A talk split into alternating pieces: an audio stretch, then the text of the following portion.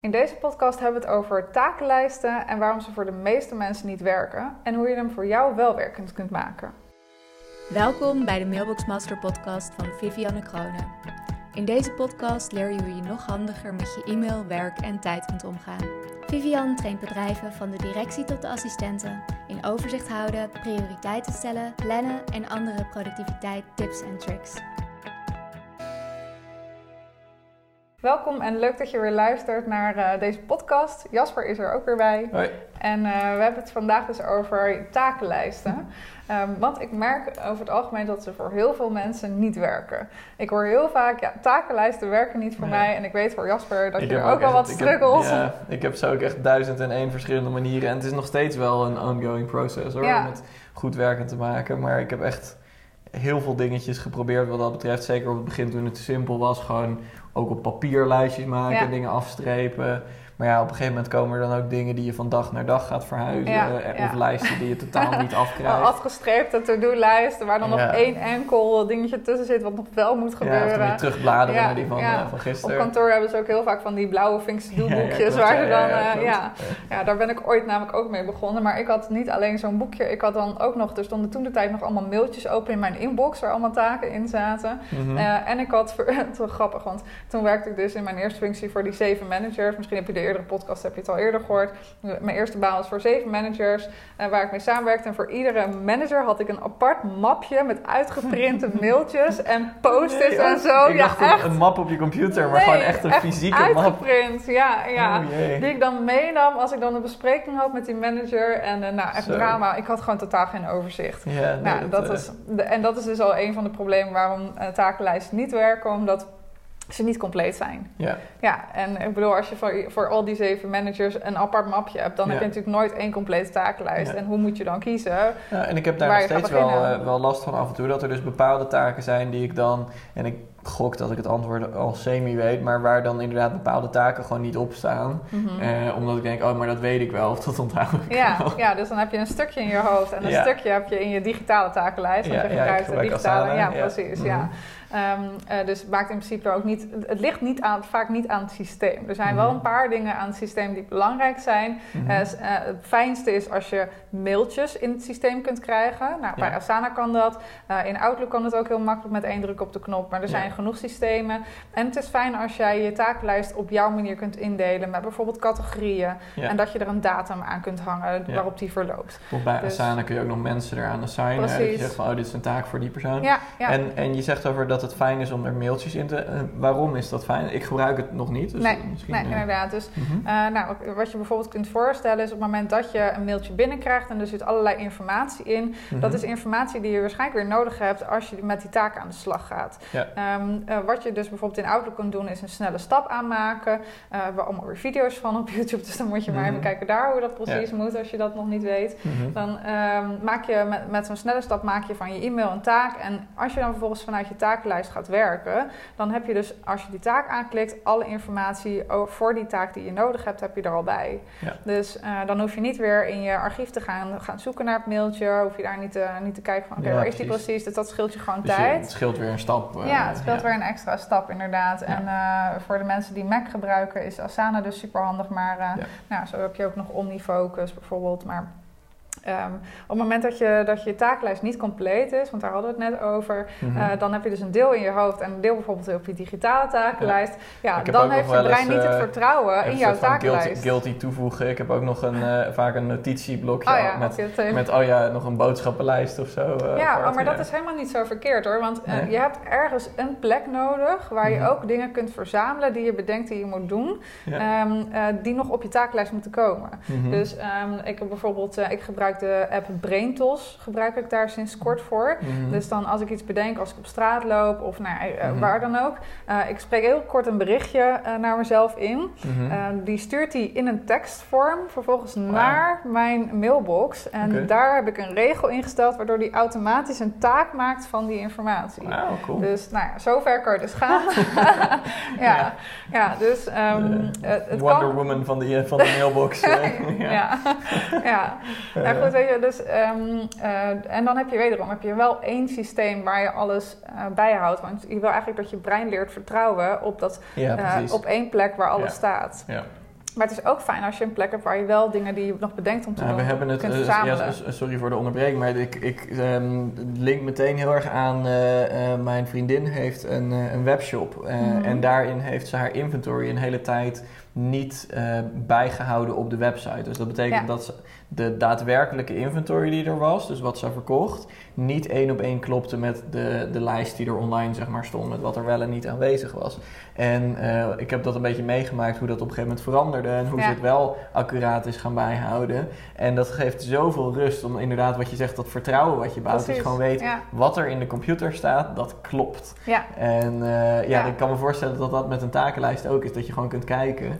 Je hebt mij wel eens dat voorbeeld gegeven van eh, wat doe je als je op, voordat je op vakantie gaat. ja, ja, en, precies. en ja. ik doe dat ook, zeg maar. Ik denk dat veel mensen dat doen. Dan maak je een taaklijst van wat moet ik nog doen voordat, Voordat ik een je- paar weken niet thuis ben. Precies, En ja. dan ga je, oh, ik moet nog even eh, de kat eh, naar de buren brengen of Ja. whatever. Ja, maar dan maak je vaak een lijst en dan weet je gewoon exact wat je te doen staat. En hoeveel rust geef je dan op dat moment. En die kan je gewoon weer aanvullen als je nog eventjes iets bedenkt. Ja, en dan denk je oh, van, ik oh, moet ook nog even dit. ja, ik moet ook nog even dit. Nou. Dat is precies hetzelfde hoe, hoe een takenlijst werkt. Nou, Mhm. stel je dat, je dat je dat consequent zou doen. Dus in plaats van dat je eh, al die dingetjes in je hoofd zou opslaan. Want op een gegeven moment krijg je er ook een heel vol hoofd van. En Ja. nou, de vraag is dan ook, en misschien ben je wel zo iemand die... Ik weet gewoon van jou Jasper dat je dat vroeger... Laten we het zo... Vroeger, toen deed je dat...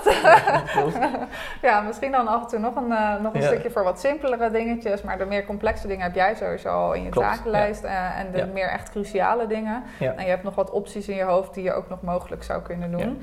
Eh, en dat is ook oké, want je kan ook gewoon je brein even creatieve ideeën laten bedenken daarover. Dus dat is op zich ook prima. Eh, maar de dingen die je echt moet doen, die wil je eigenlijk wel echt eh, vangen in één, in één systeem. Ja. Ehm, op het moment dat je, dat, dat je dan eventueel alle taken die je hebt verzameld in één systeem zet, dan kan dat best veel worden. En dat is eigenlijk een tweede reden Daar heb waarom. ik ook wel eens last van. Ja. Ja. Dat is ook wel een tweede reden waarom een takenlijst voor heel veel mensen niet werkt. Want ja, stel je voor dat je alles verzameld hebt en schrik niet, maar de gemiddelde kenniswerker op kantoor Mhm. heeft ongeveer tussen de 100 en de 150 taken als een takenlijst nou eenmaal eh, compleet is. Ja. Eh, dus dat betekent dat er best wel wat dingen spelen, maar het fijne is, niet alles hoeft nu. Ja. Ehm, en dan wil je eigenlijk een, een systeem gebruiken waar je dus ook categorieën in kunt gaan toepassen. zodat op het moment dat je naar je takenlijst kijkt, dat je eigenlijk in één oogopslag kunt zien: hé, hey, dit is waar ik nu aan ga werken. Ja. Ik heb op het moment een categorie die heet doen. Ja, En dat is echt een soort van. Dat, verzamelcategorie.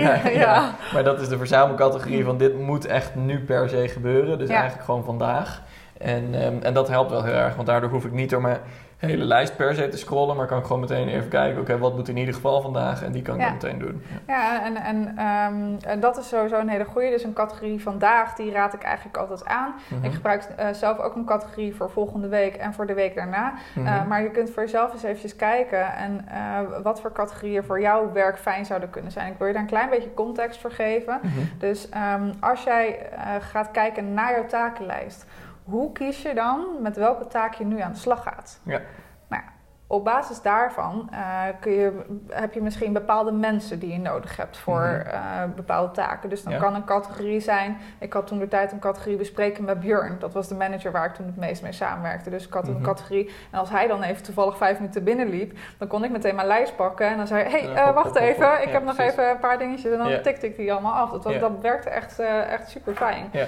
Nou, ehm, uh, bepaalde spullen, bijvoorbeeld, uh, ik weet dat het wat minder voorkomt tegenwoordig, maar ze zijn er nog wel. Uh, dat je bepaalde mappen uit een archiefkast of een bepaald apparaat nodig hebt op kantoor om bepaalde werkzaamheden te kunnen doen. Nou, dan is bijvoorbeeld nou, een faxapparaat, dus een beetje outdated, maar nou ja, goed, dat Ja. zullen de meeste bedrijven niet meer gebruiken. Maar bijvoorbeeld een bepaalde archiefkast of nou, zo, zoiets, dat zou je ook er kunnen Ja, je kan natuurlijk locaties hebben. hè, Van, eh, Ja. Als je even naar de, de locatie in wherever gaat. Ja. En je hebt natuurlijk wel, wel mensen die eh, een aantal kantoren hebben. Ja, dus ze gaan de ene keer naar Groningen, de andere keer naar eh, Ja.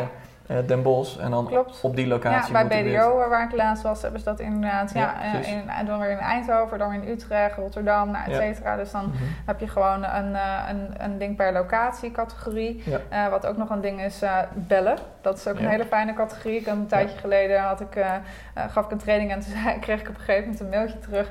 En ze zei van ja, eh, ik ben echt zo blij met mijn belcategorie. Want het net voordat ik in de auto stap, kijk, kijk, kijk ik even wie moet ik allemaal bellen. Ja. Nou, dan zit ik een uur of anderhalf uur in de auto terug naar huis met de Ja. file. En ik maak gewoon, ik doe al die belletjes. En aan het eind Ja, van de perfect. kan ik al die mensen afstrepen van mijn lijstje. Ja, geweldig. Ja, dus dat, prachtig. nou, dat werkt gewoon heerlijk. Ja, En Katelijn was dat. Dus eh, dat werkt gewoon heerlijk. En ehm, nou, dat is dus bijvoorbeeld nog een categorie. En denk bijvoorbeeld ook nog eens aan tijd. Mhm. Dus stel je voor, je hebt eh, een paar overleggen gehad en je hebt eventjes een half uurtje tussendoor. Nou, dan wil je misschien even een kleine taak van een kwartiertje doen. Eh, zodat je dan toch even iets kan aftikken. Dan kijk je gewoon naar je takenlijst. Hey, deze taak kan ik allemaal in een kwartier doen. Huppakee, die ga ik dan nu even doen. Kies je er gewoon eentje uit. Dus maak het, die takenlijst moet, en die categorie die je daarop zet, moet het je makkelijker maken om te kiezen wat je nu gaat doen. Ja. En die categorie vandaag is super belangrijk, maar daar gaan we het in een andere podcast nog wel wat uitgebreider over hebben. Mhm. Hoe je die precies gebruikt, wat zet je daar dan in en hoeveel zet je daarin? Want als je Mhm. dat, stel je voor dat je daar ook weer 20 dingen in gaat zetten, ja, Mhm. hoe, hoe realistisch is het dat je daar 20.